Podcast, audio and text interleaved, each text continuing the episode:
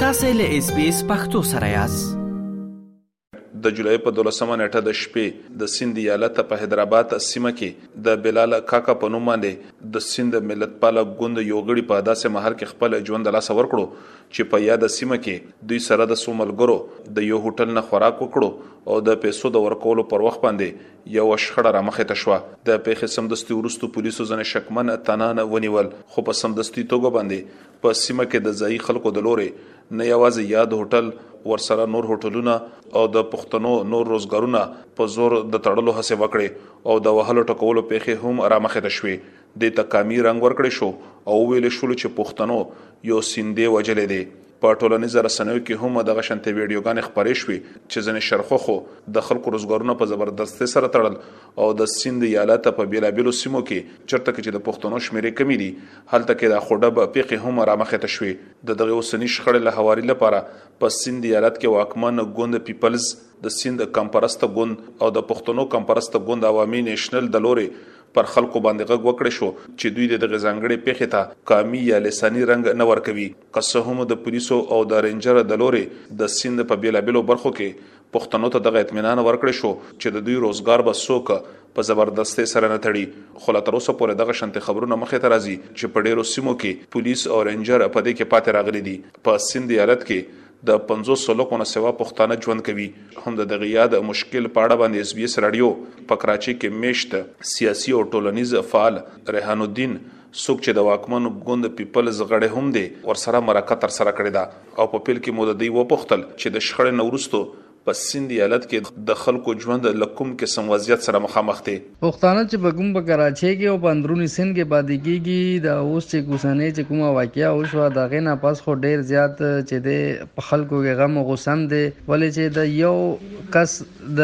قتل د وجې د دوا کسانو د خپله مسلې د خپلې جګړې د وجې ټول قوم ټارګېټ کېږي نو په دې باندې ټول پښتانه هم او دې نه علاوه چې کوم امن پسند سندیان دي هغه خلک هم خپه دي او د نور قومونو والا خلک چې کوم دي هغه هم خپه دي خو دې کې موږ دا هم ولیدلو په دې سوشل میډیا باندې چې زیاته تر داسې پیجونه پیجونه مو چې هغه خالي نفرت پیلاوانو لپاره داسې پوسټونه به کول چې آیا چې دوه دوانه په خپل کې لګیاوي او موږ ته خوندونه الو رحان الدین افریدی صاحب کرته مو ویل چې په تېرو وختونو کې هم دغه شانتې پېښې رامخې ته شوې دي او هغې ته قومي یا لساني رنګ ورکړې شوې دي او ډېر لوی زیات اتلافات تېر شوې دي نو اوس هم په هغه تېر سوچ یا فکر کې کوم تغیر نه دی راغلی؟ دا خو یو فطرتي عمل دی کنه چې کوم ځای کې ته پاتې کېږي هلته چې کومه ابادي او هغه آبادی په حساب سره کې چې هلته یو کسران تاسو سره انجا کنجا راشي نو هغه بیا هغې ته لازمي خبره ده یو چې دی لساني او هغې له چې دی د قوم پرستی په نوم باندې هوا ورکوي نو دا خو هر چرته دا موجود دی خو یو پښتون قوم دی الحمدلله په دې پورا دنیا باندې په زمون داسې خسته قوم دی چې هغه بیخي دی شي لا چې دی زور نه ورکوي آیا په پېښور کې یو پنجابی یا سندی یا نور څوک قومونه والا آیا کې چې انډیان هم راشي هلته هغه له عزت ورکوي هغه په کاروبار کې هغه سره منډه تړله وي که هغه سره څوک غلط هم کوي نو ټول پښتانه ورسره ودرېدلي خو د نور قومونو به درته نه شم ویلی ولې چې د هلته که ماجر وي او که سندي نو هغو کې چې دی قوم پرستي شته دی او دې کې بیا داسې خلک هم ډېر شته دي چې هغه ښه خلک دي هغه چې دی امن خوښوي نو په دې کې چینجینګ مشکله دی راشي ولې چې دا فطرتي عمل دی که اوسنی وضعیت مو راته وویل چې اوس په کراچۍ یا په نورو سیمو کې وضعیت څنګه دی؟ اسلام بھائی اوس خو د اوسنی چې کوم سچویشن دی په دې کې خو چې دی چې کومې د پښتنو علاقې دي کنه نو هغه کې خو خلک چې کوم زیاتره پښتانه دي او کله عام مزدوریم کوي او ټلیم چلوي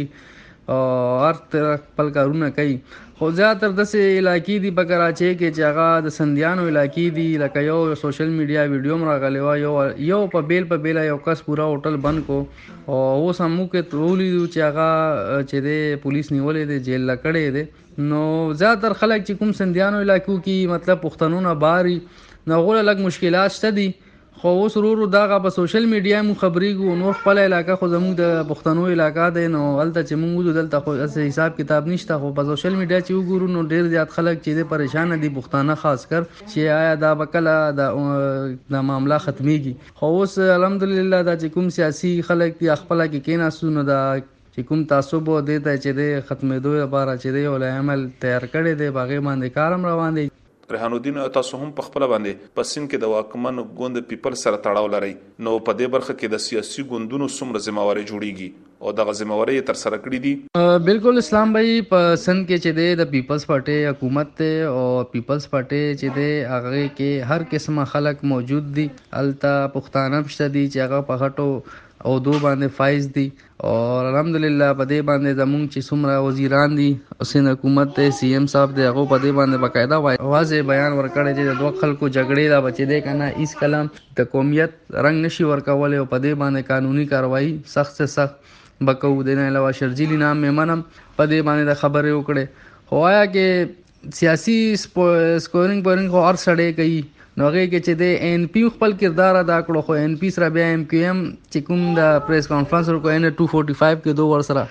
اتحاد وکړو نو دې دا بچې دې بیا تاسو خپل خپل نظر باندې مو ګورئ چې را دا مطلب خبره څنګه او دو چرته لاړو دغه شان دې بیا پی ټی آی خپل پکې سیاسي پوینټ سکورینګ کړي دي حسین حکومت الحمدلله پسند کې دا تقریبا 13 15 کالونه حکومت کوي نو هغه به هیڅ کلم نه غواړي چې هر زمون په دې سن کې چې داسې معاملات راشي ولې چې دلته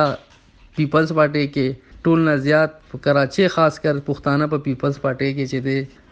فایز دي بغیر کې کارکونان هم شته دي بغیر کې عہدیداران هم شته دي ریحان الدین افریدي صاحب که په اخره کې مراته وویل چې که دغه څه قسمه پیښې رامخته کیږي نو د دغه ستونزو حل څه پکار دی اسلام بھائی په ډیره خولې بوختنه دی وکړه په دې کې بس زمونږ د ادارې چې کومې دي دا چې اکټیو شي او دغه شان معاملات چې کوم دي هغه په بروخت کاروایی په غي باندې وشي او په هغه کې چې تاخير نه کیږي نو ان شاء الله داسې شي کاروایانې او بیا داسې کوم چې کوم د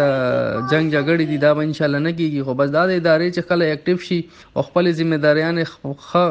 په خوش اسلوبي سره سرانجام ور کوي نو ان شاء الله الله نه امید دی چې داسې به هیڅ کلام بیا واقعیا نه راپېښ کیږي دا د کراچۍ نه رحان الدین افریدي څوک چې د پیپلز ګوند یو فعال غړی دی د وژل شوي تن بلال کاکا په اړه باندې ناتایید شوي راپورونه وایي چې دوی پولیسو ته په ډېرو جرمونو کې ککړ وو. بلخوا په کراچۍ کې د هوټلونو د سازمانه مشران وایي چې که چرته کې دولت زر تر زره د دوی کاروبارونو ته خوندیتوب ور نه کړي نو دوی به په ګرده سیمه کې د پنځه دېرشو زرو نه سوا هوټلونه په بشپړه توګه باندې وتړي.